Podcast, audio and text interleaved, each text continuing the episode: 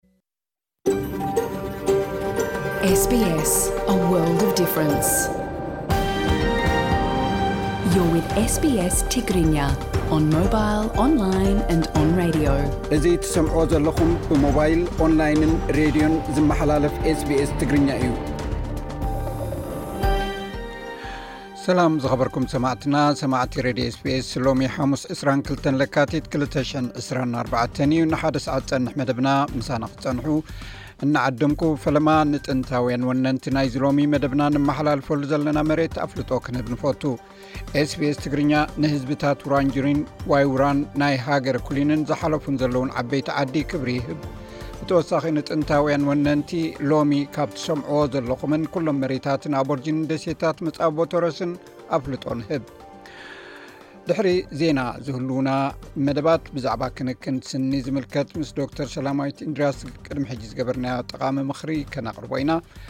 ተማራመርቲ ጥፈር ብ500 ትሪልዮን ግዜ ካብ ፀሓ ብርሃን ፀሓይ ዝበርህ ነገር ኣብ ዩኒቨርስቲ ረኺቦም ነዝምልከት ሓደ ትሕዝቶ ኣለና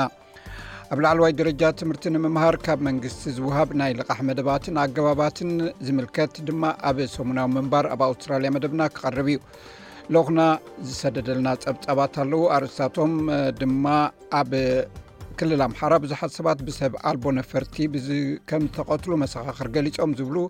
ካልእ ትሕዝቶታት እውን ዘለዎ እዩ ንኩሉ መደባትና ንምክትታል ምሳና ሓቢርኩም ክፀንሑ ዝዕድመኩም ኣዳላውን ኣቕራብን እዚ መደብ ቤየነሰመረ ሕጂ ብቐጥታ ናብ ዕለታዊ ዜና ክሕልፈኩም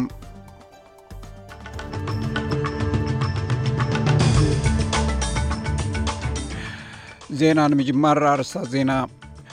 ውድብ ሕቡራት ሃገራት ኣብ ቓዛ ዘሎ ሰብኣዊ ኩነታት እናኸፍአ ይኸይድ ከም ዘሎ ገሊጹ ኣገልግሎት ውፅፅ ቪክቶርያ ንኣዝዩ ከቢድ ኩነታት ተኣየር ይዳሉ ኣሎ ሶማልያ ምስ ቱርኪ ንዓሰርተ ዓመት ዝጸንሕ ገዚፍ ናይ ምክልኻልን ቁጠባን ምትሕብባር ስምምዕ ከም ዘጽደቐት ተገሊጹ እዚ ሬድዮ ስፔስ ብቋንቋ ትግርኛ ዝፍኖ መደብ እዩ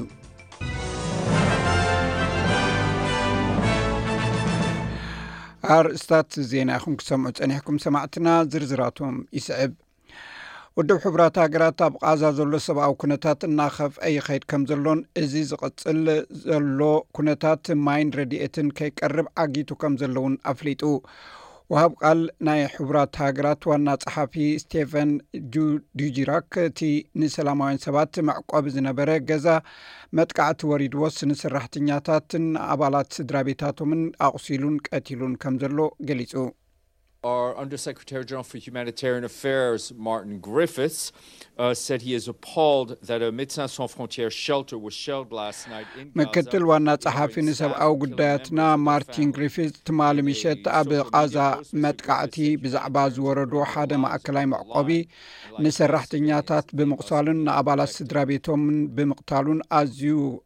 ከም ዘስካሕክሐ ገሊጹ ነይሩ ሚስተር ግሪፊስ ኣብ ማሕበራዊ መራኸቢ ብዙሓን ኣብ ዘስፈሮ መግለጺ ሰብኣውያን ገበርቲ ሰናይ ሂወቶም ኣብ ሓደጋ የእትዉ ከም ዘለውን ከም ኩሎም ሰላማውያን ሰባት ድማ ሓለዋ ክግበረሎም ኣለዎ ኢሉ ኣሎ ማይ ፅሬት ከምኡውን ናይ ጥዕና ጉዳያትን ንነበርቲ ቃዛ ኣብ ሓደጋ ዘእቱ ከም ዝኾነ እውን ገሊፁ ኣብቲ ቦታ ዝርከብ 83 ሚእታዊት ዝኸውን ናይ ማይ ዒላታት ካብ ኣገልግሎት ወፃኢ ኮይኑ ኣሎ እዚ ከምዚ ኢሉ እንከሎ ኣባል ካቢነ ኩናት እስራኤል ቤኒ ጋንትዝ ኣብ ብጅሆ ተታሒዞም ኣብ ቓዛ ንዝርከቡ ንምፍታሕ ኣብ ዝግበር ዘሎ ሓድሽ ዝርርብ ምዕባለታት የርኢ ከም ዘሎ ገሊጹ። እዚ ዝኸውን ዘሎ ኣብቲ ዞባ ናይ ውግእ ነፈርቲ ይቕሬታ ናይ ውግእ ዕረፍቲ ንምግባር ጻዕርታት ኣብ ዝካየደሉ ዘሎ እዋን እዩ።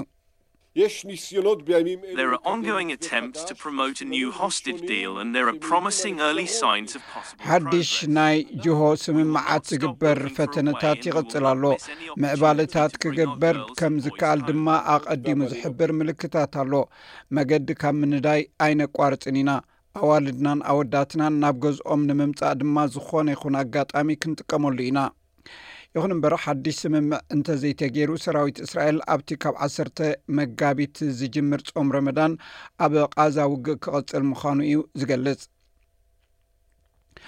ኣገልግሎት ህፁፅ ቪክቶርያ ንኣዝዩ ከቢድ ኩነታት ኣየር ይዳሉ ኣሎ እዚ ዝኸውን ዘሎ ሓደ ሰሙን ድሕርቲ ብህቦብላን ከቢድ ሙቐትን ገዛውቲ ድሕሪ ምዕናውን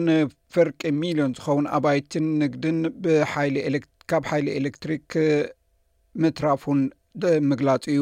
ኣብ ገለ ክፋላት እታ ግዝኣት መጠን ምቆት ኣርባዓ ዲግሪ ክበፅሕ ትፅቢት ይግበረሉ ኣሎ ሎሚ ሓሙስ ሰማንያ ኪሎ ሜተር ኣብ ሰዓት ዝሕንበብ ንፋስን ንቁፅ በርቅን ክህሉ እውን ትፅቢት ኣሎ ኣብ ሽዱሽተ ከባቢታት ቪክቶርያ ሙሉእ ናይ ሓዊ እገዳታት ተኣዊጁ ዘሎ ኮይኑ ኣብ ሜሊ ዊሜራ ኖርዘርን ካንትሪ ኖርዘርን ሰንትራል ሳውዝ ወስትን ማእከላይ ወረዳታትን ኣዝዩ ከቢድ ሓደጋ ባርዕ ኣንፀላልዎን ኣሎ ኣብ ደቡብ ኣውስትራልያ ታዝማንያን ምዕራብ ኣውስትራልያን ካብ መጀመርታ ክረምቲ ጀሚሩ ናይ ህፁፅ እዋን ሓደጋ ባርዕ ሓዊ ንምጥፋእ ኣብ ቀፃሊ ርብርብ እዩ ዝርከብ ቤት ፅሕፈት ስታስቲክስ ኣውስትራልያ ኣብ ዝሓለፈ ዓመት ኣብ ክንክን ጥዕናን ማሕበራዊ ሓገዝን ዝሰርሑ ሰባት እቲ ዝዓበየ ወሰኽ ደሞዝ ዝምርኣዮምን ደሞዞም ሓሙሽተ ነጥቢ ሓሙሽተ ሚታዊ ምውሳኹን ስዒቡ ድማ ትምህርትን ስልጠናን ይረኽቡ ምህላውን ገሊፁ ፋይናንስን መድሕንን እቲ ዝተሓተ ወሰኽ ደሞዝ ትረኣየሎም ጽላታት እዮም ደሞዝ እናወሰኸ ይኸይድ እኳ እንተሎ ወፃኢታት ብቐፃሊ መነባብሮ እውን ይውስኽ ስለ ዘሎ ፀቕጢ ዋጋታት ንምንካይ ብዙሓት ኣውስትራልያውያን ኣብ ካልእ ኣማራፂታት ከናድዩ ተገዲዶም ኣለው ኣብ ዝሓለፈ ወርሒ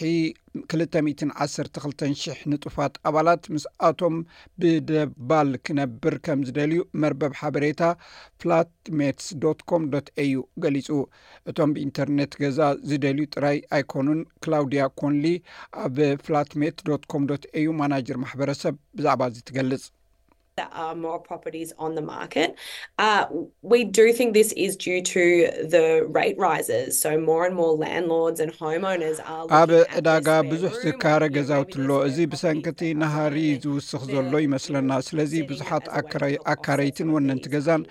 ትርፊ ክፍልታት እንተልይዎም ከካርዩ ድልቶም የርኢ ኣለዉ ንገለ ካብቲ ወሲኹ ዘሎ ሞርጌጅ እውን ከቃልለሎም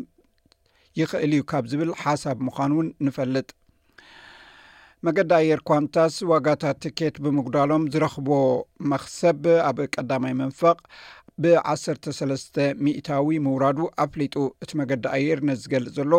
ክሳብ ታሕሳስ ዘሎ ናይ ሽዱሽተ ወርሒ ድሕሪ ግብሪ ምኽፋል ሓደ ነጥቢ ዕስራን ሓሙሽተን ቢልዮን ዶላር ከም ዝኸሰበ ምስ ኣፍለጠ እዩ። እዚ ማለት ብሚእትን ሰማንያን ሰለስተን ሚልዮን ዶላር ወይ ዓሰርተ ክልተ ነጥቢ ሸሞንተ ሚእታዊ ዶላር ካብቲ ቅድሚ ሓደ ዓመት ዝነበረ መኽሰብ ጎዲሉ ተረኺቡ ኣሎ ካብቲ ተንተንቲ እተነበይዎ ማለት ሓደ ነጥቢ ዓሰርተ ሽዱሽተ ቢልዮን ዶላር ክኸስብ ዝሓሰቦ ግን ዝበለፀ ማለት ሓደ ነጥቢ ዕስራን ሓሙሽተ ቢልዮን ከሲቡ ኣሎ እቲ ኣታዊ ካብ ዓሰርተ ክልተ ነጥቢ ሰለስተ ክሳብ ዓሰርተ ሓደ ነጥቢ ሓደ ቢልዮን ዶላር ይበፅሕ ኣምነስቲ ኢንተርናሽናል ሰበ ስልጣን ኢትዮጵያ ብምክንያት ኣዋጅ ህፁፅ እዋን ሰላማዊ ተቃውሞታት ንምዕፋን ደው ከብሉ ኣተሓሳሲቡ ኣምነስቲ ኢንተርናሽናል ሰበስልጣን ኢትዮጵያ ነቲ ንተወሳኺ ኣርባዕተ ኣዋርሒ ዝተናውሐ ኣዋጅ ህፁፅ እዋን ብምጥቃም ሰላማዊ ተቃውሞ ምዕፋን ደው ከብሉ ፀዊዑ ኣሎ ኣምነስቲ ብመንግስቲ ኢትዮጵያ ነቶም ኣብ ቀይዲ ዝኣተዉ ሓሙሽተ ፖለቲከኛታትን ሰለስተ ጋዜጠኛታትን ዝርከብዎም ክኸስስ ወይ ክፈትሖም ኣተሓሳሲቡ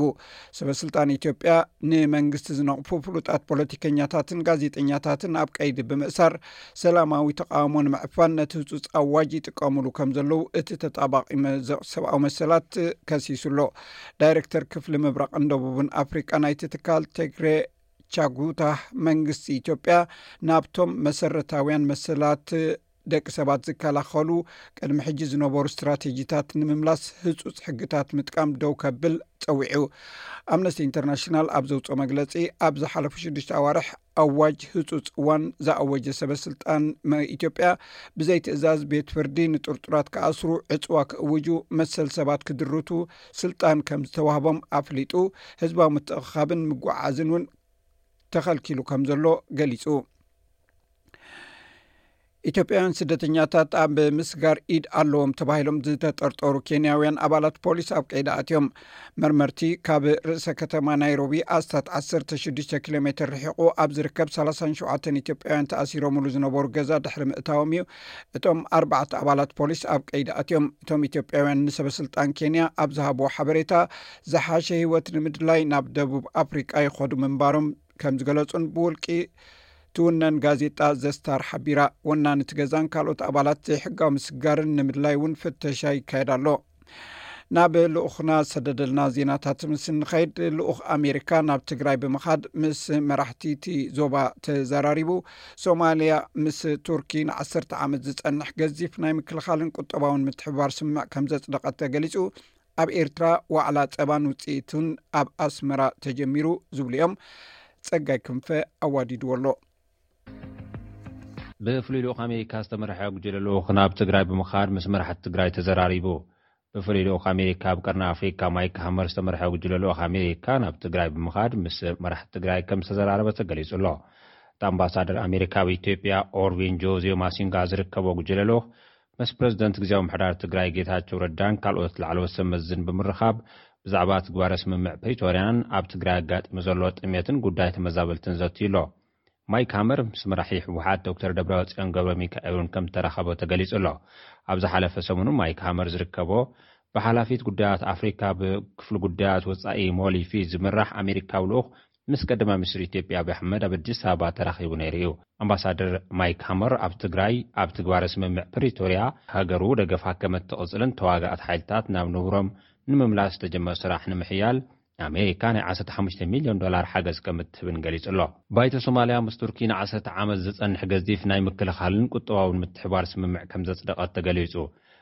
ብመሰረት ስምምዕ፣ ቱርኪ ንሓይልታት ሓይሊ ባሕሪ ሶማልያ ክተዕጥቕን ክተሰልጥንን ከምኡ'ውን ናይ ገዛእ ርእሳ መራኽብ ኣብ ማያት ሶማልያ ክተዋፍርን እያ ተባሂሉ ኣሎ።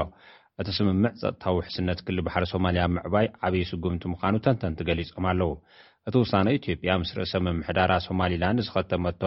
ስምምዕ፣ ኣብቲ ዞባ ወጥሪ ኣብ ዝፈጥረሉ ዘሎ እዋን'ዩ ተወሲዱ ዘሎ። ኣብ ኤርትራ ዋዕላ ጸባን ውጽኢቱን ኣብ ከተማ ኣስመራ ተጀሚሩ። ላዕለዎት ሰበ ስልጣን መንግስቲ ኤርትራን ክኢላታትን ዝተሳተፍዎ ዋዕላ ልምዓትን ጸባን ውጽኢቱን ኣብ ኣስመራ ይካየድ ኣሎ። እቲ ትማሊ ኣብ ርእሰ ከተማ ኤርትራ ዝኾነት ኣስመራ ዝተኸፈተ ዋዕላ ንጸባን ውጽኢቱን ንምድንፋዕ ዝዓለመ ምዃኑ ሚኒስትሪ ሕርሻ ኤርትራ ገሊጹ። ሚኒስትር ኣረፋይነ በርሀ ኣብ መኽፈቲ እቲ ኣኸባ ኣብ ዘስመዖ መደረ፣ ክሳብ ሕጂ ንህዝብና ውሕስነት ፀባን ውፅኢቱን ከንረጋግፅሉ ኣይከኣልናን፣ በዚ ምኽንያት ኢና ከኣ ነዚ ዋዕላ ክንውድብ ዝተበገስና ብምባል ንኣገዳስነት እቲ ኣኸባ ገሊፁ'ሎ። ሚኒስትር ኣረፋይነ ብተወሳኺ ሓረስቶትናን ሞያውያንናን ግብራዊ ስልጠናና ክወስዱ ከምዝተሓባበሩና ድማ እምንቶና እዩ፣ ካብዚ ተበጊስና ከኣ ነቲ ህዝብና ካባና ዝፅበዮ ዘሎ ርቡሕን ብቑዕን ምህርታዊ ንዘቤታዊ ሃልክን ኪንዮኡን ንምርግጋጽ ዝሓሸን ዝጠጥሕን መገዲ ኣብ ምጽራግ ክሕግዘና እዩ ኢሉ ኣሎ።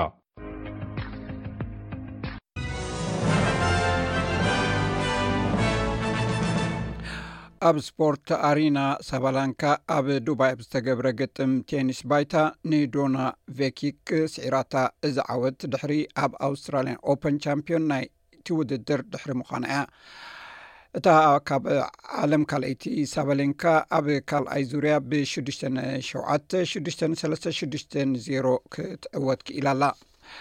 ሎሚ ኩነታት ኣየር ቀንዲ ከተማታት ኣውስትራልያ ኣብ ፐርዝ ፀሓይ ክውዕል ሳላሳን ኣርባዕተ ዲግሪ ሴንትግሬድ ኣብ ኣደላይድ እውን ፀሓይ ክውዕል ሳላሳን ሰለስተን ዲግሪ ሴንትግሬድ ኣብ መልበርን ኣብ ናይ ምሸት ክዝሕል ትፅቢት ትግበር ዝለዓለ 36 ዲግሪ ሴንትግሬድ ኣብ ሆባር ተመሳሳሊ ኩነታት ኣየር ዩ ዝለዓለ 35 ዲግሪ ሴንትግሬድ ኣብ ካምቢራ ብከፊል ደበና 30 ዲግሪ ሴንትግሬድ ኣብ ሲድኒ ብከፊል ደበና 30 ዲግሪ ሴንትግሬድ ኣብ ብሪስበን ዝበዝሐ ፀሓይ ይኩዕል ዝለዓለ 32 ዲግሪ ሴንትግሬድ ኣብ ዳርዊን ክዘንብ ዝለዓለ 33 ዲግሪ ሴንትግሬድ ሓደ ናይ ኣውስትራልያ ዶላር ሎሚ ሓሱሳን ሽዱሽተን ሳንቲም ናይ ኣሜሪካ ዶላር ሓደ ናይ ኣውስትራልያ ዶላር ሱሳን ሓደን ዩሮ ከምኡኡን ሓደ ናይ ኣውስትራልያ ዶላር ሓምሳን ክልተን ፓውንድ ስተርሊንግ ሳንቲም ይሽረፍ ኣሎ ባር ሰማዕትና ዜና ወዲእና ኣለና ምዝተረፉ ትሕዝቶታት መደብና ምሳና ክፀንሑ ደጊም ዕድመኩም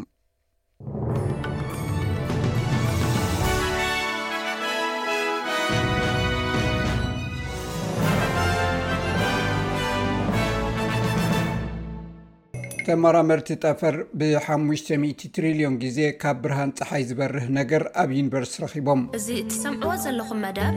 ብቋንቋ ትግርኛ ዝፍኖ ሬድዮ ኤስቢኤስ እዩ።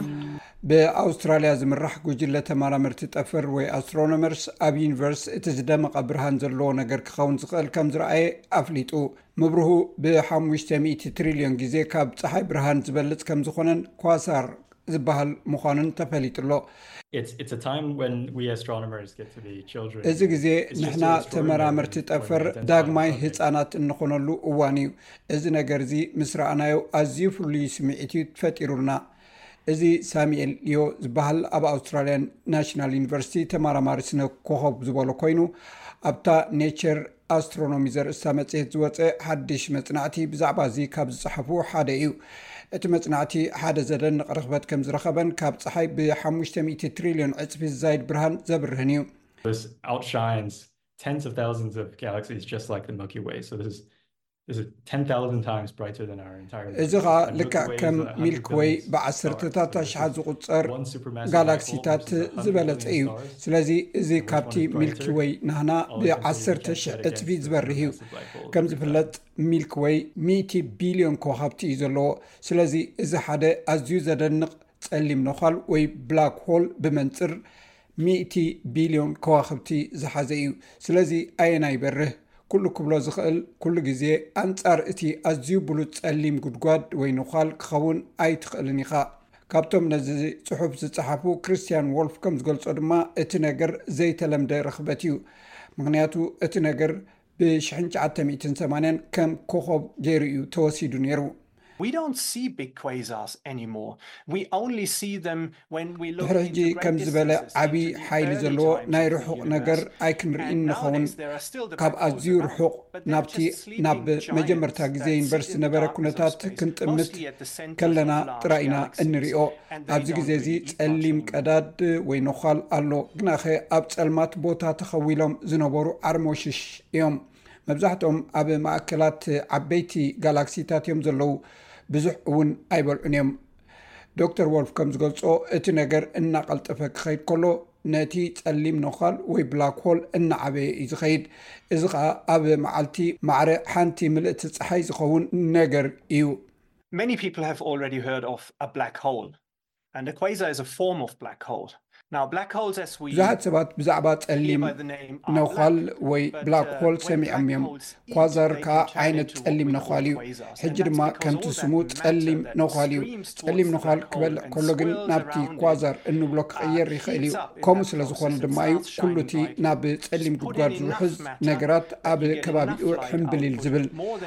ኣብቲ መስርሕ ይመውቕን ደሚቑ ክበርህን ይጅምር። እኹል ናይ ብርሃን ውጽኢት ክትረክብ እንተደሊኻ ካብቲ ብሚልዮናት ዝቝጸሩ ከዋኽብቲ ዘለዎ ጋላክሲታት ንላዕሊ ክትረክብ ትኽእል ኢኻ።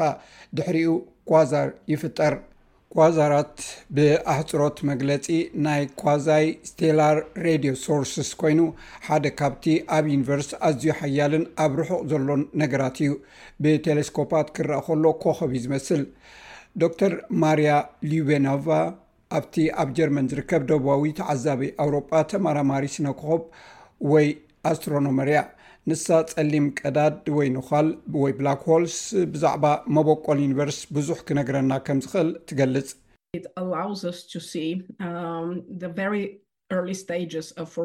እዚ ኣብ መጀመርታ ናይ ጋላክሲታት ምምስራት መስርሕ ክንርኢ የኽእለና እዩ ኣብዚ ግዜ እዚ መብዛሕትኦም ጋላክሲታት ኣብ ማእከሎም ኣዝዮም ዓበይቲ ፀለምቲ ነዃላት ከም ዘለዎ ንፈልጥ ኢና ኮይኑ ግና ብኸመይ ከም እተመስረቱን ብኸመይ ነጓዶም ከም ዘግፍሕዎን ኣይንፈልጥን ኢና ነርና ሳሚላይ እዚ ኳዛር 12 ቢልዮን ናይ ብርሃን ዓመት ርሒቑ ከም ዘሎን ካብ መጀመርታ ዩኒቨርስቲ ኣትሒዙ ከም ዝነበረን እዩ ዝገልፅ እዚ ጸሊም ነዃላት ብኸመይ ከም ዝዓዩ ንምርዳእ ተወሳኺ ምርምር ከም ዘድሊ እውን ይገልጽ።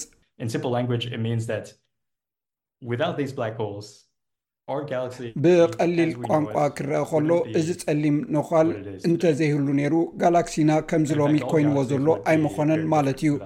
ጋላክሲታት ብምሉኦም ብዘይቲ ኣዝዩ ዓቢ ጸሊም ነዃል ኣዝዮም ዝተፈላለዩ እዮም። ገለ ጋላክሲታት። ውን ኣብ ዙርያ እቲ ኣዝዩ ጸሊም ነዃል ክኽመሩ ዝኽእሉ እዮም። ናይ ፈለማ ኳዛር ኣብ ኒው ሳውዝ ዌልስ ኣብ ጥቓ ካናቦራን ኣብ ዝርከብ ናይ ክልተ ነጥቢ ሰለስተ ሜትሮ ቴለስኮፕ ተጠቒሞም እዮም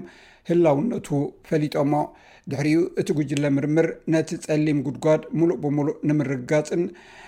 ነቲ ኣብኡ ዘሎ መጠን ሙቐት ምእንቲ ክልካዕን ናብ ሓደ ካብቲ ዝዓበየ ቴለስኮፕ ማለት ናብቲ ኣብ ምድረ በዳ ቺለ ዝርከብ ናይ ኣውሮጳን ሳውዘርን ቫሪ ላርጅ ቴለስኮፕ ወሲዶሞ ዶክተር ዎልፍ ሽርክነት ክቕፅል እዩ ዝደሊ ኮይኑ ግና ብዛዕባ ኣብ ኣውስትራልያ ዝግበር ዘሎ ምርምር ብሩህ መፃኢ ከም ዘሎ ዘርኢ ኢሉ ተመራመርቲ ስነ ፍልጠት እውን ንሰማያት ከፅንዑ ፍሉይ ዕድል ዝፈጥረሎም እዩ ኢሉ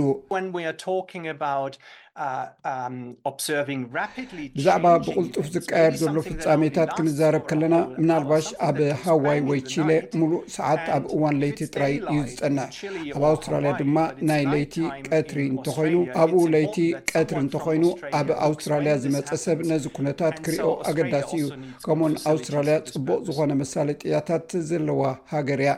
እዚ ሬድዮ ስቤስ ብቋንቋ ትግርኛ ዝፍኖ መደብ እዩ። ኩብራ ሰማዕትና ዝሰምዖ ዘለኹም ካብ ሜልበርን ዝመሓላለፍ ስቢስ ትግርኛ እዩ ካብዚ ቀፂሉ ዝቐርብ ልኡኹና ዝሰደደልና ፀብፃብ እዩ ናብኡ ከብለኩም ሰላም ጥዕና በልና ከመይ ቀኒኹም ክቡራት ተኸታተልቲ ስቤስ ትግርኛ ንሳዕ ተዳለዉ ዜናታት እንሆ ፈለማ ረስታቶም ከነቐድም ኣመሪካ ኣብ መንጎ መንግስትን ዕጡቓት ፋኖን ልዝብ ክካየድ ጸዊዓ። ኣብ ክልል ኣምሓራ ብዙሓት ሰባት ብሰብ ኣልቦ ነፈርቲ ከም ዝተቐትሉ መሰኻኽር ገሊጾም ዝብሉ ንስቲ ኣተዳለዉ ሓጸርትን ብዝርዝር ክቐርቡ ዝተዳለዉ ሓበሬታታትን እዮም ናብ ዝርዝራቶም ክንቅጽል።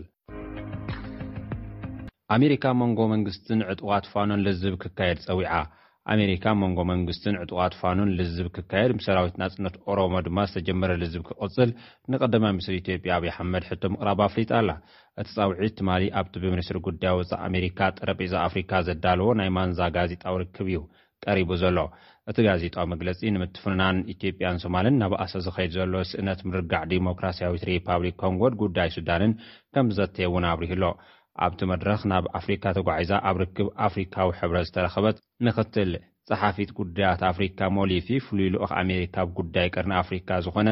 ማይክ ሃመር እምባሳደር ኣሜሪካ ኣብ ሱዳን ጆን ጎንፍሬይን ተረኺቦም መብርሂ ሂቦምን ካብ ጋዜጠኛታት ንዝቐረበሎም ሕቶታትን እውን መሊሶም እዮም። ኣብቲ መብርሂ ኣሜሪካ ነቲ ኣብ መንጎ መንግስትን ሰራዊት ናጽነት ኦሮሞን ዝተጀመረ ልዝብ ንምቕጻል ኩነታት ክተመዓራሪ ድልውቲ ምዃና ፍሉይ ልኡኽ ኣሜሪካ ኣብ ቀርኒ ኣፍሪካ ኣምባሳደር ማይክ ሃመር ተዛሪቡ ኣሎ። ኣሜሪካ ኣብ ክልል ኦሮሚያ ዝረኣ ግጭት መዕለቢ ክረክብ ትጻወቶ ዘላ ግደ ዝገለጸ ኣምባሳደር ማይክ ሃመር ኣብ ክልል ኣምሓራ ዘሎ ግጭት ብሰላም ክፍታሕ ልዝብ ምስ ዕጡቓት ፋኖ ክጅመር እውን ጻውዒት ኣቕሪቡ እዩ። ምስ ፋኖ ልዝብ ክጅምር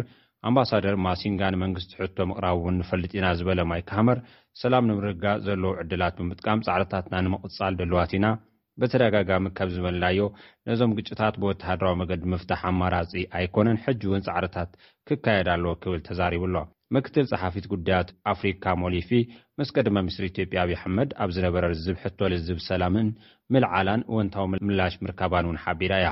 ኣብ መብርሂኣ፣ ኢትዮጵያ ኣብዚ ሕዚ እዋን ኣብ ክልላት ኦሮሚያን ኣምሓራን ዘጋጥምዋ ዘለዉ ፈተናታት ብሰላም ንምፍታሕ ድልውቲ ምዃና እቲ ቀዳማይ ሚኒስትር ምርግጋፁ ዝገለፀት ሞሊፊ ነዚ ድልውነት ብምሕያል ዕጡቓት ዝፍፅምዎ መጥቃዕቲ ኣብ ልዕሊ ሓይልታት ፀጥታ ዘጋጥም ስጉምቲ ከምዘተሓሳስብ ኣራዲኣ። ኩነታት ፀጥታ ፈታኒ ምዃኑ ንምኽባር መሰል ሲቪሊያን ተወሳኺ ፃዕርታት ከምዝድሊ እውን ገሊፃ ኣላ። ኣብቲ ትማሊ ዝተውሃበ መግለፂ መንግስቲ ኢትዮጵያ ንልዝብ ድሉው ምዃኑ እንተገለፀ እውን መዓዝን ብኸመይን ዝብሉ ዝርዝር ጉዳያት ግን ካብ መንግስቲ ኢትዮጵያ ኮነ ካብቶም ናብ ኣሜሪካ ገይሾም ዘለዉ ዲፕሎማሰኛታት ኣይተነፀረን። ብካልእ ሓበሬታ ኣብ ክልል ኣምሓራ ዞባ ሰሜን ሸዋ ኣብ ወረዳ ሞጃን ወደራን ብዝተፈፀመ መጥቃዕቲ ሰብ ኣልቦ ነፈርቲ ብዙሓት ሰባት ከምዝተቐትሉ ተሓቢሩ ኣሎ። እቲ መጥቃዕቲ ብሰኑይ ዓሰርተ ሓደ ለካቲት ክልተ ሽሕን ዓሰርተ ሽዱሽተን ዓመተ ምህረት ግእዝ ኣብ ቅድሚ ቀትሪ ኣብ ልዕሊ ሓንቲ ልዕሊ ሓምሳ ተሳፈርቲ ዝጸዓነት ኣይሱዙ መኪና ከም ዝተፈጸመ ናይ ዓይኒ መሰኻክርን ነበርቲ እቲ ከባብን ብምጥቃስ ቢቢሲ ጸብጺቡ ኣሎ። ንድሕነነቶም ስሞም ከይግለጽ ዝሓተቱ ምንጭታት ከም ዝሓበርዎ እታ ካብ ሰላ ድንጋይ ዝተብሃለ ርእሰ ከተማ እታ ወረዳ ዝተበገሰት መኪና ኣብ ፈላ መገንጠያ ዝተብሃለ ከባቢ ምስ በጽሐት እዩ እቲ መጥቃዕቲ ኣጋጢሙ ተባሂሉ። እቲ መጥቃዕቲ እታ መኪና ተሳፈርቲ ኣብ እተራግፈሉ ዝነበረት እዋን ከም ዝተፈጸመ ሓደ ናይ ዓይኒ ምስክር፣ እቶም ሰባት ናብ ጽምብል ክርስትና ይኸዱ ከም ዝነበሩን ካብኣቶም ዓሰርተ ሽዱሽተ ናይ ቀረባ ኣዝማድ ከም ዝተቐትሉን ሓቢሩ ኣሎ። ዝፈልጦም ስድራይ ዝዀኑ ልዕሊ ዓሰርተ ሽዱሽተ ሰባት መይቶም ብምባል ቍጽሪ ዝሞቱ ክሳብ ሰላሳ ከም ዝበጽሕ እውን ገሊጹ እዩ። ሓደ ዘመድ እቲ ኣብ ሕቝፎ ኣባሓጎኡ ከም ዝነበረ ዝተገልጸ ዝተጠመቐ ቈልዓ ብዘይዝዀነ ጕድኣት ከም ዝደሓነን ኣዱኢን ኣቡኡን ዝርከብዎም ምሉእ ስድራቤት ግን በቲ መጥቃዕቲ ከም ዝተቐትሉ'ውን እቲ ጸብጻብ ኣመልኪቱ'ሎ።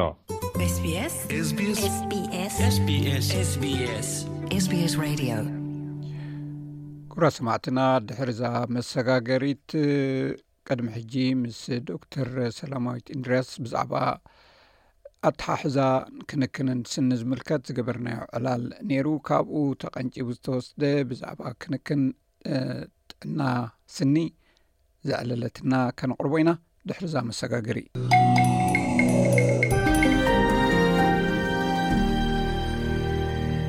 ኩብራት ሰማዕትና ዝሓለፈ እዋን ምስ ሓኪም ስኒ ምስ ዶክተር ገነት እንድርያስ ወልደ ስላሴ ዝገበርናይ ዕላል ብዛዕባ ስርሓን ብዛዕባ ካልእ ምስ ሞያ ዝተሓሓዝ ምኽርን ኣቕሪብና ነርና ሎሚ ከም መቐፀልትኡ ብዛዕባ ምክንኻን ስንን ካልእ ምስኡ ዝተኣሳሰርን ኣስተምህሮኣዊ ትሕዝቶ ከነቕርብ ኢና ናብኡ ከብለኩም። እዚ እትሰምዕዎ ዘለኹም መደብ ብቋንቋ ትግርኛ ዝፍኖ ሬድዮ ኤስቢኤስ እዩ። ስኒ ከይባላሾ እንታይ ክግበር ዝግብኦ ጥንቃቐ ማለት እቲ ዋጋ ክቡር እዩ ከም ዝሪኦ ማለት እዩ ንስኒ ንምዕራይ ንምቕያር እቲ ኣብቲ ናትኩም ሞያ እውን ክንከይድ ኢና እንታይ ክግበር ዝግብኦ ጥንቃቐ ሰብ ስኑ ከይባላሾ? እወ ሕጂ እቲ እንታይ እቲ ናይ ስኒ ነገር እቲ ፈለማ ፈለማ ፕሪቨንቲቲቭ ኣብ ንመፅእ ማለት መከላኸሊ ኣብቲ ከይትበፅሕ ማለት እዩ ካብ ንእሽተና ክጅመር ኣለዎ ቆልዓ ንእሽተይ እንከሎ ወዲ ሓደ ዓመት እንከሎ ብራሽ ትገዝኣሉ ሶፍት ብራሽ ኣሎ ናይ ቆልዑ ቱት ፔስት ኣሎ እዚ ኮልጌት ናይ ቆልዑ እዩ ፍሎራይድ ገለ ዘይብሉ ንዑ ጌርካ ምልማድ ይበስ ትጅምር ካብኡ ይሕይኹ ይፃወቱ ከም ናይ ስኒ ምፅራይ ከም ዘሎ ካብኡ ኢኻ ትጅምር ሕጂ ካብ እንዳጀመርካ ትቕፅል እቲ ክሊኒንግ ሬጊላር ቼክስ ኣሎ እቲ ብግቡእ ኩላትና ይንገብርን እምበረይ ብግቡእ ኣብ ሽዱሽተ ወርሒ ከድካ ክሊን ክትወስድ ኣለካ እዚ ሃይጂን ክሊን ኣብ ደንትል ክኸድካ ከተፅሪ ንሱ እንድሕር ዘይክኣል ኮይኑ ከዝ ከም ዝበልካዮ ክቡር እዩ ኣብ ዓመት ሓደ ግዜ ክቡር እንዳበልኩ ንሱ ራፍሊ ብ ሚእትን ሰላሳን እዩ ሓንቲ ይኮነን ሚእትን ሰላሳን ኣብ ዓመት ሓንቲ ግዜ እንድሕር ጌርካ ከድካ ፅርዮምልካ ዳሕራይ ካልእ ሳዕቤን ሕማቓት ካልእ ፕሮብለም ዝመፅእ ከምዚ ፊሊንግ እንድሕር ጉድጓድ ገይሩ ጉድጓድ ገይርልካ ከሙታት ይኖ ነሱ ክንደይ ካብ ሓሙሽተ ሚእቲ ክሳብ ሽሕን ሸመንተ ሚእትን ክልተ ሽሕ ክትኸፍል ኢኻ ግን ኣብቲ ናይ ሪፐቲቭ እቲ ናይ ዓመታዊ ክሊን እንድሕር ከንቲ ገይርካ ብዙሕ ኢኻ ትገላገል ግን ናብኡ ዘምፅእ ሕጂ ቆልዑ ሽኮር ዘለዎ ምብላዕ እዚ ፊዚ ዝበሃል ገለ ነገር ከረም የለ ገለመለ እንድሕር በሊዖም ስኖም ይባላሾ እዩ ዝባሃል ኣሎ እሞ ኣብቲ ምግቢ ከ እቲ ንበልዖ ምግቢ እውን ኣለዎ ድዩ ፅልዋ ስንና ክባላሾን ከይባላሾን? ብዙሕ ብዙሕ ብዙሕ ኣለዎ ነገራት ኢቭን ከምዚ ዝብሎ ፀንሐ ቆልዓ ዘይ ፀባ ምስታይ ለይቲ ሕጂ ጥጦ ምሃብ ለይቲ ጥጦ ምሃብ እዚ ብዙሕ ሳዕቤን እዩ ዘመፅእ ንቆልዓ ኤርሊ ቻይልድሁድ ኬር ዝበሃል ኣሎ ናይ ኣብቲ ኤርሊ ስቴጅስ ስኑ ዝብላዕ ፊሊንግ ከድልዮም እዩ ቆልዑ ቢኮዝ ፀባ ፀባ ሽኮር ዘይብሉ ይመስለካ ብዙሕ ኣለዎ ፀባ ሽኮር ሕጂ እቲ ለይቲ ማይ ክሰቲ እቲ ቆልዓ ፀባ ምሰተ ጥጦ ድዩ ማይ ትሰቲ ትድቅስ ብራሽ ምግባር ዝበለፀ ግና ቆልዑ ለይቲ ኢቨን ማይ ድሕሪ ፀባ ምስታይ ድዩ ምግባው ድዩ ብቦትል ድዩ ማይ ክሰቲ ኣለዎ ከምኡ ጌርካ ንግሆ ብራሽ ከምኡታት ልማድ ክህሉ ኣለዎ ዳሕራይ ምስ ዕብይ ምስ በሉ ቆልዑ ሽኮር ምብላዕ ዓቢ ነገር እዩ ኩላትና ንህብ ኢና ው ንበልዕ ኢና ማይ ምጉዝ በስ ማይ ትሰቲ ማይ ምስታይ እቲ ፊልም ይሕግዝ እዩ የልግስ እዩ ኣብ መዓልቲ ከምዚ ኣረው ፀኒሕና ሕጂ ክልተ ግዜ ብራሽ ክንገብር ንገብር ኣለና ንግሆን ለይትን እቲኣ ናይ ንግሆ ክትርሳዕ የብላን ናይ ለይቲ ክርሳዕ የብሉን ሶሪ ካብ እቲ ሽኮራዊ ነገራት እቲ ብዝዓበየ ፕሮብለም ብሕልፊ ንሕና ምስ ቡን ምሻሂ ብዙሕ ኢና ንሰቲ ሽኮር ብኣብ ቆልዑ እንዲና ክንዛረብ ፀኒሕና ናይ ጋም ወይ ግርፃን ይውቀጥ እዩ ከምዝበልክዮ ኣብ ዓድና ማለት እዩ ንመልክዕ ተባሂሉ ወይ ግርጭ እወ እዚ ይሕ- ይሕግዝ ድዩ ነቲ ምድልዳል ስኒ ኣብ ጋም ዘለና ኣብቲ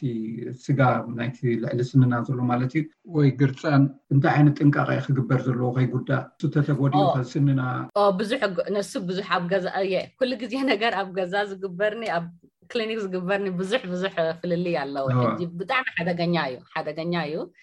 ግና ከዓ ብሓደ ወገን ብዙሕ እዮም ዝፈልጡ ስድራና ብዙሕ እዮም ዝፈልጡ ምሻላ ካብ ኢንፌክሽን ኢንፌክሽን ኣሎ ብዙሕ ፕሮብለም ነቭ ምትንካፍ ኣሎ ኣብዚ ዓዲ ግና እቲ ናቹር ጋም ኣይውቅጡን እዮም ኣብዚ ኣይፍቀድን እዩ ዝገብሩ ግን ኣጋጢሞም ክፈልጡ ካብ ናህና ሰባት ገለ ዝኾይኖም ወይስ ሒዞሞ ዝመፁ ገይሮም ገይሮም ገይሮም ዝመፁ ይብሉካ እዮም ይብሉ ቀይሕ ነይሩ ተወቂጠ ይብሉካ ይፍለጥ እዩ ይፍለጥ እዩ ከምዚ ታቱ ከምዚ ታቱ ነገር ማለት እቲ ምኡ ምውቃት እቲ ፈውስቲ ነቲ ደንቸር ምውቃጥ ነቲ ናትካ ክመስል እሞ እንታይ እዩ ክግበር ዝግብኦ ሕጂ ኣብ ጋምሲ ወይ ግርፃን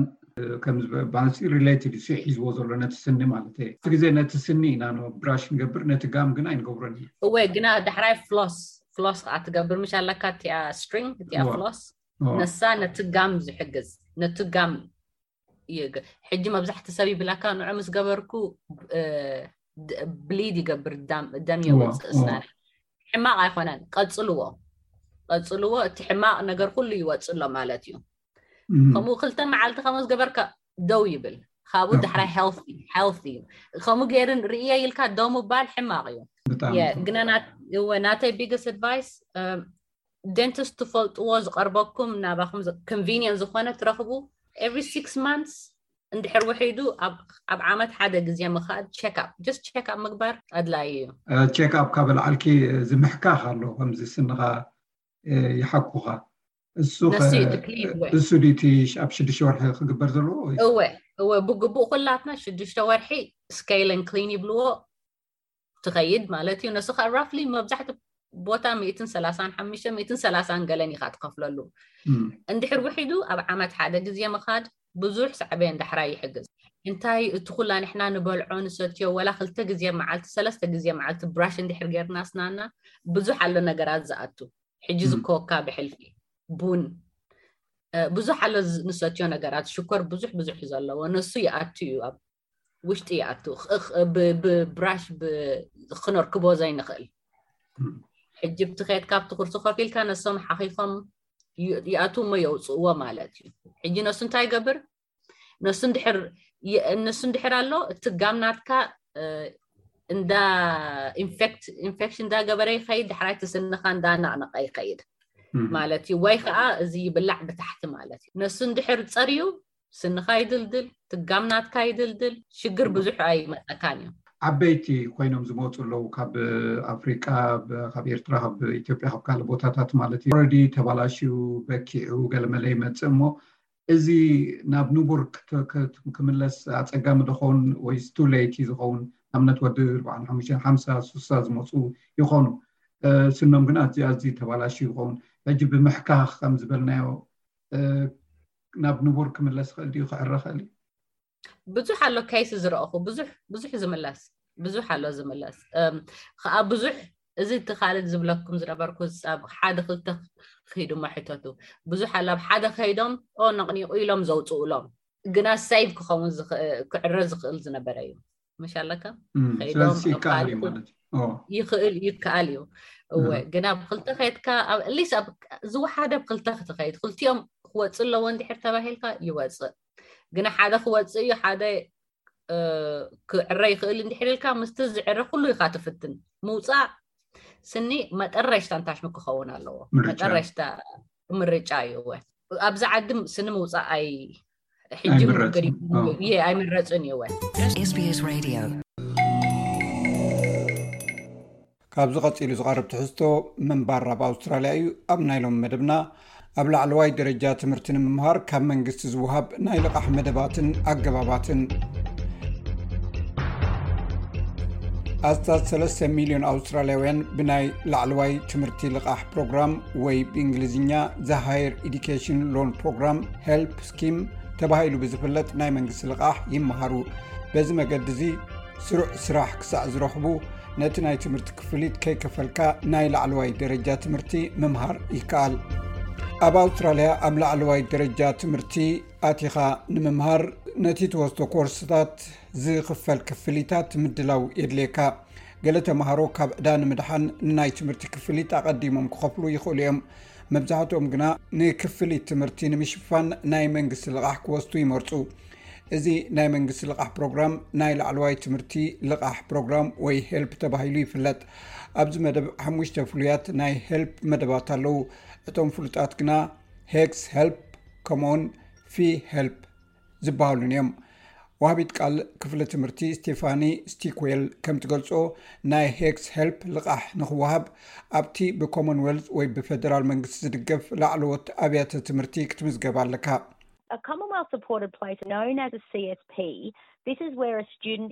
ብሲስፒ ተባሂሉ ብዝፍለጥ ናይ ኮመን ዌልት ደገፍ ዝግበረሉ ቦታ ተምሃሮ ዝመሃሩሉ ዩኒቨርሲቲ ኮይኑ መንግስቲ ድማ ብቐጥታ ነቲ ዩኒቨርሲቲ ናይ ገንዘብ ድጎማ ይገብረሉ እዩ በዚ ድማ እቲ ትምህርቲ ነቲ ተምሃራይ ዘኽፍሎ ሓፈሻዊ ክፍሊት ይንኪ ይኹን እምበር ሓደ ተምሃራይ ንገለ ካብቲ ነቲ ትምህርቲ ዝኸፍሎ ወፃኢታት ክሽፍኖ ዘድልዮ እዩ ኣብዚ ዩ ከዓ ናይ ሄልፕ ልቓሕ ኣገዳሲ ዝኸውን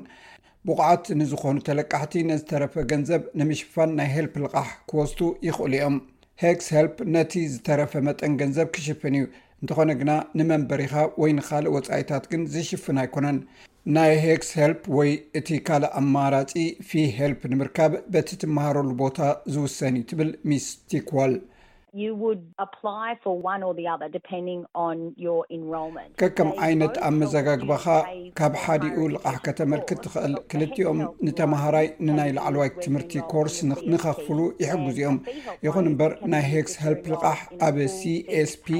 ምስ እትምዝገብ እዩ ዝኸውን። ናይ FeeHelp ልቓሕ ምጥቃም ዝከኣል ኣብቲ ምሉእ ክፍሊት ዘኽፍል ትምህርቲ እዩ ዝውሰድ። እዚ ማለት ኣብተን መንግስቲ ዘይድጉመን ዩኒቨርሲቲታት እንተተመዝጊብካ ዝውሰድ ልቓሕ እዩ። ጥቕሚ ናይ HexHelpን FeeHelpን ንተማሃሮ ንናይ ትምህርቲ ክፍሊት ኣቐዲሞም ክኸፍሉ ኣይግደዱን እዮም። ኩሎም ተማሃሮ ግና ብኮመንወልዝ ደገፍ ዘለዎ ቦታ ወይ'ውን ናይ Help ልቓሕ ናይ ምርካብ ዕድል ኣይረኽቡን። ናይ ሄልፕ ልቓሕ ንምርካብ ኣብ ዜግነትን ቪዛን ከምኡውን ነባርነት ቦታ ይምርኮስ ብምባል ግዜዊ ዋና ፈፃሚ ስራሕ ዩኒቨርሲታት ኣውስትራሊያ ሬኒ ሂንድሜሽ ትገልፅ።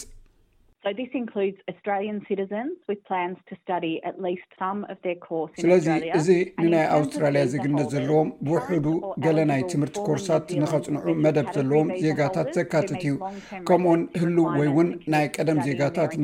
ኒውዚላንድ ፉሉይ ቪዛታት ዝሓዙን ነቶም ናይ ነዊሕ ዓመታት ናይ ነባርነት ቅጥዕታት ዘማልኡን ኣብ ኣውስትራልያ ሙሉእ ኮርሶም ከፅንዑ ዝፍቀደሎም ሰባት እዮም ኣብ ኣውስትራልያ ናይ ቀዋሚ ነባርነት ወይ ፐርማንንት ረዚደንሲ ብናይ ቀደም ሰብኣዊ ቪዛ ዝፍቀደሎም ሰባት ከምኡውን ፓስፊክ ኢንጋጅመንት ቪዛ ንዝሓዙ ዝፍቀደሎም እዩ ናይ መሰጋገሪ ወይ ብሪጅን ኮርሳት ንዝወስዱ ኣብ ወፃኢ ሃገር ዝርከቡ ሞያውያን ናይ ፊ ሄልፕ ልቓሕ ክወስዱ ይኽእሉ እዮም። ኣብ ናይ ሙሉእ ግዜ መፅናዕቲ ምፅማድ ይኹን ወይ ናይ ክፍለ ግዜ መፅናዕቲ ብትርፊ ግዜ መፅናዕቲ እቲ ዕዳ ብመሰረት ክንደይ ዩኒታት ወይ ሳብጀክትታት ከም ዝወሰድካ እዩ ዝቕመር። ብሩስ ቻፕማን ኣብ ኣውስትራልያን ናሽናል ዩኒቨርሲቲ ናይ ኢኮኖሚክስ ፕሮፌሰር ከምኡውን እቲ ናይ ፈለማ ነዳፊ ሄክስ እዩ ንሱ ከም ዝብሎ እቲ ክፍሊት ብመጠን ክንደይ ዓመት ከም ዝተምሃርካ ዘይኮነስ ዝተምሃርካሉ ዩኒት ወይ ኣህዱ መሰረት ዝገበረ እዩ ስለዚ ብዲግሪ ክትምሃር እንተተመዝጊብካ ኣብ ቀዳማይ ሰሚስተር ኣርባዕተ ኣሃዱታት ወይ ዩኒታት ክትምሃር ትኽእል ነፍሲ ወከፍ ኣሃዱታት ዝተወሰነ ገንዘብ የኽፍለካ፣ ብጠቕላላ ድማ ብዕዳ ትመሃር። ስለዚ ሓደ ዓመት ንኣብነት ሰለስተ ሽሕ ዶላር የኽፍለካ ይኸውን። ንዓመታ ሓደ ኮርስ ጥራይ ትወስድ እንተኾንካ ግን ዕዳኻ ብሓሙሽተ ሚእቲ ዶላር ጥራይ ይውስኽ። ዝያዳ ዓይነታት ትምህርቲ ወይ ዩኒታት ብዝወሰድካ መጠን ዕዳ ናይ ሄልፕ ድማ ይውስኽ። ዕዳኻ ንምኽፋል ዝምልከት ከኣ በቲ እተመደበልካ ሕሳብ ይግበረልካ። ስራሕ ክሳዕ ትረክብ ዕዳኻ ከይተተንከፈ እዩ ዝቕመጥ። ኣስራሒኻ ኣብ ነብሲ ወከፍ ደሞዝካ ምስቲ ንግብሪ ዝኽፈል ንዕዳኻ ናይ ሄልፕ ንምኽፋል ቁሩብ ተወሳኺ ገንዘብ የቐምጡልካ ወይ ካብ ገንዘብካ ይቖርጹ። ይኹን እምበር እዚ ዝግበር ዓመታዊ እቶትካ ኣብ ዝተወሰነ ደረጃ ምስ በጽሐ ጥራይ ምዃኑ ፕሮፌሰር ቻፕማን ይገልጽ።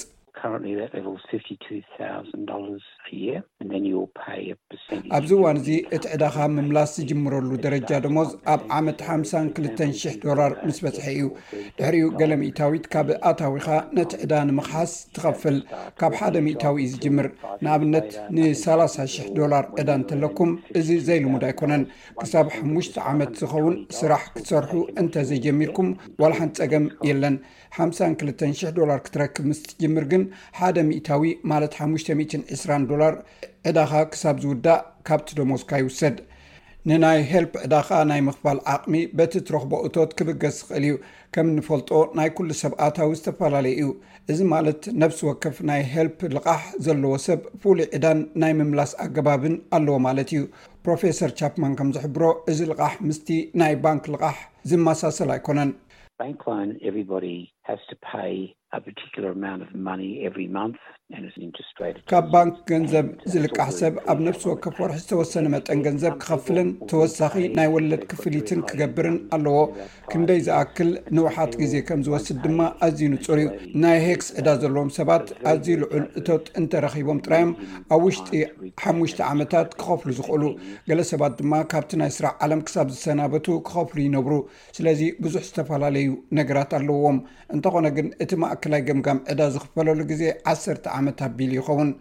እንተኾነ ካብ ሃገር እንተወጺኹም እንታይ ዘጋጥመኩም? ንዝነውሐ ግዜ ኣብ ወጻኢ ሃገር ትቕመጥ ዋላ እንተኾንካ ዕዳኻ ኣይጠፍእን እዩ። እቲ መንግስቲ ገና ዕዳ ካብ ናይ ኣውስትራልያ ተማሃሮ ክመልሶ ኣለዎ።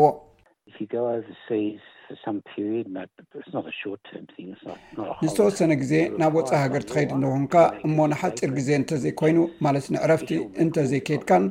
ኣብ ዝሃለኻሉ ወግዓዊ መግለፂ ክትህብ ብሕጊ ትግደድ ኢኻ። ሽዑ ናይ ሄክስ ሕግታት ይምልከተኩም እዩ፣ እቲ መጠን ገንዘብ ድማ ኣብ ኣውስትራልያ ከም ዘለኻ ኮይኑ እዩ ዝሕሰብ።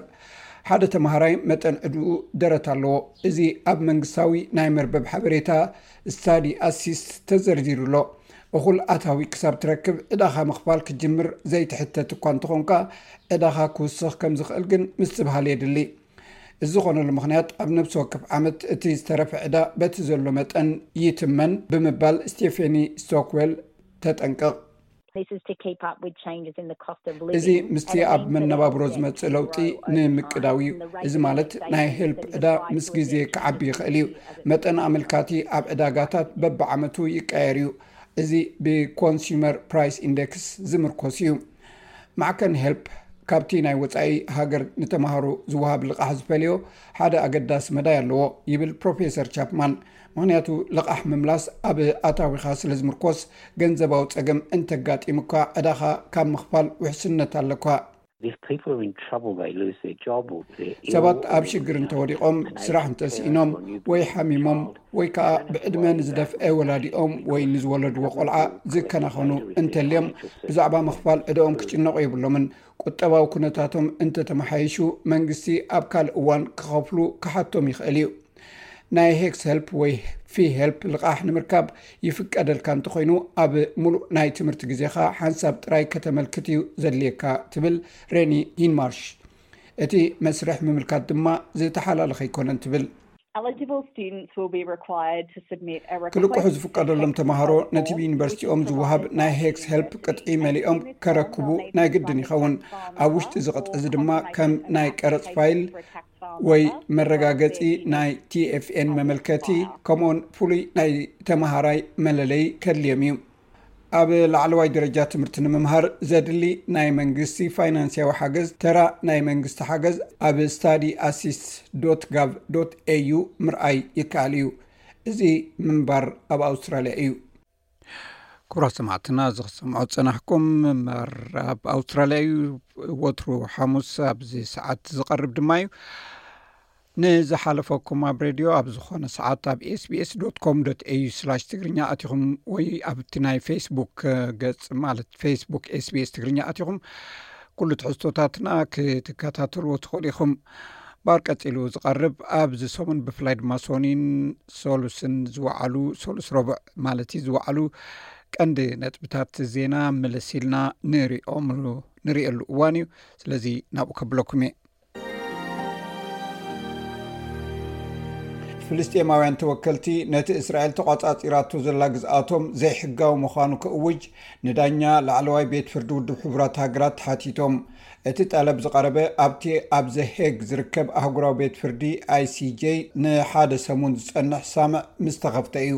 ሓፈሻዊ ባይቶ ውድብ ሕቡራት ሃገራት ብዛዕባ እቲ ኣብ 222 ዝተወረረ ልዕሊ ሓምሳ ሃገራት ክሳዕ ዕስራን ሽዱሽተን ለካቲት መጎተ ከቕርባ ትጽቢት ይግበር። በዓልቲ ቤት ናይቲ ሞቱ ዘዛርብ ዘሎ ኣሌክስ ናቫልኒ፣ በዓል ቤታ ንሩስያ ሓራ ንምውጻእ ዘካይዶ ዝነበረ ቃልሲ ክትቅጽሎ ምዃና ኣፍሊጣ። እቲ ፍሉጥ ተቓዋሚ ፕረዚደንት ቭላድሚር ፑቲን ዝነበረ ናቫልኒ፣ ኣብ ዝሓለፈ ዓርቢ'ዩ ኣብ ዝነበሮ ቤት ማእሰርቲ ከም ዝሞተ ተነጊሩ። ናቫልኒ ተመሪዙ ኣብ ጀርመን ድሕሪ ምሕካሙ እዩ ናብ ሃገሩ ምስ ተመልሰ ኣብ ቀይዲ ኣትዩ። ዩልያ ናቫልኒ ብቪድዮ ኣብ ዘውፅኣቶ መግለፂ ቅድሚ ሰለስተ መዓልቲ ቭላድሚር ፑቲን ንበዓል ቤተይ ኣሌክሴይ ናቫልኒ ቀቲልዎ፣ ፑቲን ንኣቦ ደቀይ ቀቲልዎ ብምባል ንደገፍታ ቁጥዓኹምን ፅልእኹምን ናብቶም ንመፃኢና ክቐትሉ ዝደፍሩ ኣቕንዕዎ ክትብል ፀዊዓ'ላ። ሰብመዚ ሩስያ ግን እቲ መራሒ ተቓውሞ ነበር ሃንደበት ከምዝሞተ ብምፍላጥ ብፍላጥ ከም ዘይተቐትለ እዮም ዝገልፁ። ሰራዊት ሩስያ ነቲ ኣብ ምብራቓዊት ከተማ ዩክሬን ዝነበረ ናይ መወዳእታ ናይ መኸተ ተቓውሞ ብምድምሳስ ንከተማ ኣድቪካ ሙሉእ ብሙሉእ ተቖፃፂሮማ። እዚ ዝመፅእ ዘሎ እቲ ወራር ሩስያ ኣብ ዩክሬን ካብቲ ኣብ 24 ለካቲት 2022 ካብ ዝጅምር ክልተ ዓመቱ ክኸውን ሒደት መዓልታት ኣቐዲሙ እዩ። ሓይልታት ዩክሬን ካብታ ብደብዳብ ዝዓነወት ከተማ ከም ዝወፁ ኣረጋጊፆም ኣለው። ሰራዊት ሩስያ ኣብ ጉንበት ክልተ ሽሕን ዕስራን ሰለስተን ንከተማ ባክሙት ካብ ዝሕዝ ንነጀው ኣድቪካ እታ ዝዓበየት ከተማ ዝሓዛ ብምዃና ንሞራል ሞስኮ ክብ ኣቢልዎ ይርከብ። ሶኒ ኣብቲ ሮያል ቦታኒካ ዝበሃል መናፈሻ ሲድኒ ብርቱዕ ህቦብላ ኣብ ዘጋጥመሉ ዝነበረን ብዙሕ በርቅታት ኣብ ዝወደቐሉ ብበርቂ እተወቕዑ ኣርባዕተ ሰባት ኣብ ደሓን ኩነታት ከም ዘለዉ ተፈሊጡ። እቶም ኣርባዕተ ሰባት ሶኒ ድሕሪ ቀትሪ ካብቲ ብዙሕ ኣብ ሲድኒ ዝወረደ ሓያል ነጉድን ዘናውፅ በርቅን ስለ ዘጋጠመም ሃለዋቶም ኣጥፊኦም ነይሮም። ብ17 ለካቲት ቀዳም ምሽት ኣብ ከተማ ሄግ ኣብ መንጎ ኤርትራውያን ጉጅለታት ድሕሪ ዝተላዕለ ናዕቢ 13 ሰባት ኣብ ቀይዲ ከም ዝኣተው ፖሊስ እታ ሃገር ኣፍሊጡ። ብሰንኪ እቲ ናዕቢ ኣባላት ፖሊስ እውን ከም ዝተጎድኡ ተፈሊጡ ኣሎ። እቲ ብቐዳም ምሸት ዝተፈጥረ ግጭት ኣብ መንጎ ደገፍትን ተቓወምትን መንግስቲ ኤርትራ ከም ዝነበረ ጸብጻብ ፖሊስ ይሕብር። እቲ ናዕቢ ዝተላዕለ፣ ደገፍቲ መንግስቲ ኤርትራ ዝተሳተፍዎ ኣኼባ ብተቓወምቲ መንግስቲ ኤርትራ መጥቃዕቲ ምስ በጽሖ ምዃኑ መግለጺታት ፖሊስ እታ ሃገር ኣመልኪቶም። ኣብቲ ናዕቢ ኣብቲ ከባቢ ኣብ ዝነበረ መዐደሊ ነዳዲ ብጠርሙዝ ነዳዲ ዝተመልአ ብምብርዑ ነቲ ገደና ናብ ባርዕ ቀይርዎ ኣምስዩ። ናይ ሓያሎ ገዛውቲ መስኮታት ዝተሰባበረ ኮይኑ፣ እቲ መንገዲ ብዝተሰባበረ ጠርሙዝን ኣእማንን መሊኡ ከም ዘምሰየ እውን ተፈሊጡ። ብመሰረት ሓበሬታ ፖሊስ ክልተ ኣባላት ፖሊስ ኣብ ኢዶም ማህረምቲ ከጋጥሞም ከሎ ካልእ ፖሊስ ድማ ኣብ ኣስናኑ መጉዳእቲ ወሪድዎ። ከተማታ ከንቲባ ያን ቫን ዛነን ነቲ ናዕቢ ፍንፉንን ዘይቅቡልን ክብል ገሊፅዎ። ሚኒስተር ፍትሕታ ሃገር ዲላን የሲልጎዝ ኣብ ዝሃቦ መግለፂ እቲ ኣብ ዘሄግ ዘጋጠመ ፍፃሜታት ፍፁም ተቐባልነት የብሉን ኢሉ ስርሖም ጥራይ ዝሰርሑ ሰራሕተኛታት ህፁፅ ኣገልግሎት ምጥቃዕ ፍፁም ካብ ስርዓት ወፃኢ ስለ ዝኾነ ሳዕቤን ክህልዎ ከም ምዃኑ እውን ኣፍሊጡ ኣሎ ኣብ ሆላንድ ኣስታት 2ራሓ00 ኤርትራውያን ይነብሩ ከም ዘለዉ ወግዓዊ ኣሃዛትቲ መንግስቲ ይሕብሩ ብ እዚ ፍጻሜ ኣብ ማዕከናት ዜና ሆላንድ ብዙሕ ዘዛርብ ዘሎ ኮይኑ እቶም ጸረ ስደተኛታት ዝኾኑ ሰልፍታት ነቲ ጉዳይ ከም መረጋገጺ ዝኽተልዎ ፖሊሲ ከም ዝገብርዎ ተራእዩሎ ብኣንጻሩ እቲ ተግባር ነቲ ስደተኛታት ዝድግፍ ሕብረተሰብ ብከቢድ ተስፋ ከም ዝቕረፆ እውን ተፈሊጡሎ መስራቲ ዊክሊክስ ጁልያን ኣሳንጅ ብሰንኪ ሕማም ናብ ቤት ፍርዲ ለንደን ኣይቀረበን ጠበቓታቱ ድማ ነቲ ዝቐረበሉ ክስታት ብምቅላዕ ምስጢራዊ ሓበሬታ ክፍረድ ናብ ሕቡራት መንግስታት ኣሜሪካ ንኸይውሰድ ናይ መወዳእታ ዕድል ይግባይ ከቕርቡ ላዕሊ ታሕቲ ይብሉ ኣለው ዋሽንግተን ንሚስተር ኣሳንጅ ካብ 218 ክሳብ 220 ኣብ ዘሎ ግዜ ዊክሊክስ ኣብ ልዕሊ እቲ ኣብ ዒራቅን ኣፍጋኒስታንን ብኣሜሪካ ዝምራሕ ዝነበረ ውግእ ምስጢራዊ ወተሃደራውን ዲፕሎማስያዊ ፋይላት ዝሓዘ ኣቃሊዑ ብምባል ብዙሕ ግዜ ክትከሶ ጸኒሓ እያ። ኣሳንጅ ኣብ ለንደን ኣብ ዝርከብ ኤምባሲ ኤኳዶር ንሸውዓተ ዓመት ድሕሪ ምጽናሕ ኣብ ክልተ ሽሕን ዓሰርተ ትሽዓተን እዩ ኣብ ትሕቲ ቀይዲ ኣትዩ። ውግእ እስራኤል ሓማስ ንሰብኣዊ ንጥፈታት ክበሃል ብህጹጽ ደው ክብል ብውድብ ሕቡራት ሃገራት ዝቐረበ ንድፊ ኣሜሪካ ብዘለዋ ናይ ቀውፊ ስልጣን ዓጊታቶ። ኣብቲ ዓሰርተ ሓሙሽተ ኣባላት ዘለዎ ባይቶ ጸጥታ እተገብረ ድምጺ ዓሰርተ ሰለስተ ን ሓደ እዩ ውዱቕ ኮይኑ፣ ዩናይትድ ኪንግደም ድምጸ ተዓቅቦ ገይራ። እቲ ንሳልሳይ ግዜ ብቤት ምኽሪ ጸጥታ ዝቐረበ ተዅሲ ደው ምባል ስምምዕ ብቀውፊ ወይ ብቬቶ ደው ዝበለ እዩ። ኣብ ቀይሕ ባሕሪ ውጥረት ብምስፋኑ፣ ግብጺ ካብ መትረብ ስወጥ ትረኽቦ ዝነበረት ኣታዊታት ብ ኣርብዓ ክሳብ ሓምሳ ሚእታዊ ከም ዝጐደለ ገሊጻ። ፕረዚደንት ግብፂ ዓብዱልፋታሕ ኣልሲሲ ብሶኒ ኣብ ዝሃቦ መግለፂ ካብ መትረብስ ወፅ ካብ ዝኣቱ ዝነበረ ኣርዓ ክሳብ ሓምሳ ሚታዊ ጎዲሉ እዚ ድማ ኣብ ቀይሕ ባሕሪ ዘለዉ ወጥሪ እናገደደ ኣብ ዝኸደሉ ዘሎ እዋን ምዃኑ እዩ ሲሲ ኣብ መኽፈቲ ናይቲ ኣብ ካይሮ ዝካየድ ዓመታዊ ምርኢት ፀዓት ግብፂ መትረብ ስወፅ ንግብፂ ዓመታዊ ኣስታት 1 ቢልዮን ዶላር ኣሜሪካ ከም ዘበርክት ብምግላፅ እንተኾነ ግን ኣብዚ እዋን ኣብ ቀይሕ ባሕሪ ተፈጢሩ ብዘሎ ቅልውላው ብኣርብዓ ክሳብ ሓምሳ ሚእታዊ እቲ እቶት ኣንቆልቂሉ ኣሎ ኢሉ። እዚ መትረብ እዚ ሓደ ካብቲ ኣብ ዓለም ኣዝዩ ኣገዳሲ ዝኾነ ማያዊ መስመር ተባሂሉ ዝፍለጥ ኮይኑ ኣብ መንጎ ኣውሮጳን ኤስያን እቲ ዝሓፀረ መራኽብ ንግዲ ዝመላለሳሉ መስመርን ሓደ ካብቲ ቀንዲ ምንጪ ኣታዊ ናይ ወፃኢ ሸርፊ ግብፂ እዩ። ይኹን እምበር ሑቲ ኣብ ልዕሊ እተን ምስ እስራኤል ርክብ ዘለወን ናይ ንግዲ መራኽብን ኣብ ልዕሊ ናይ ኣሜሪካ መራኽብን መጥቃዕቲ ይፍፅም ብምህላው በቲ ኣብ ቀይሕ ባሕሪ ዘሎ ውጥረት ተፀልዩ ኣሎ። ብመሰረት እቲ ብውድብ ሕቡራት ሃገራት ዝተኻየደ ብዛዕባ ንግድን ልምዓትን ኮንፈረንስ በቲ መትረብ ሰሙናዊ ዝግበር ምትሕልላፍ ኣብዘን ዝሓለፋ ክልተ ኣዋርሕ ብኣስታት ኣርባዓን ክልተን ሚእታዊ ጎዲሉ ኣሎ። ሲሲ ግብፂ ብሰንኪ'ቲ ኣብ ቓዛ፣ ሊብያ፣ ሱዳን ከምኡ'ውን ኣብ ሩስያ ዩክሬን ዘሎ ግጭት ዓበይቲ ብድሆታት የጋጥማ ከምዘሎ'ውን ገሊፁ። ሕቡራት መንግስታት ኣሜሪካ ከም ግብረ መልሲ ሞት መራሒ ተቓዋሚ ኣሌክስ ናቫሊኒ ኣብ ልዕሊ ሩስያ ተወሳኺ ዓበይቲ ማዕቀባት ክትገብር ምዃና ኣፍሊጣ። ኣፈኛ ሃገራዊ ድሕነት ኣሜሪካ ጆን ኬርቢ እቲ ሓድሽ ማዕቀብ ኣብዚ ሰሙን እዚ ክግለፅ እዩ ኢሉ።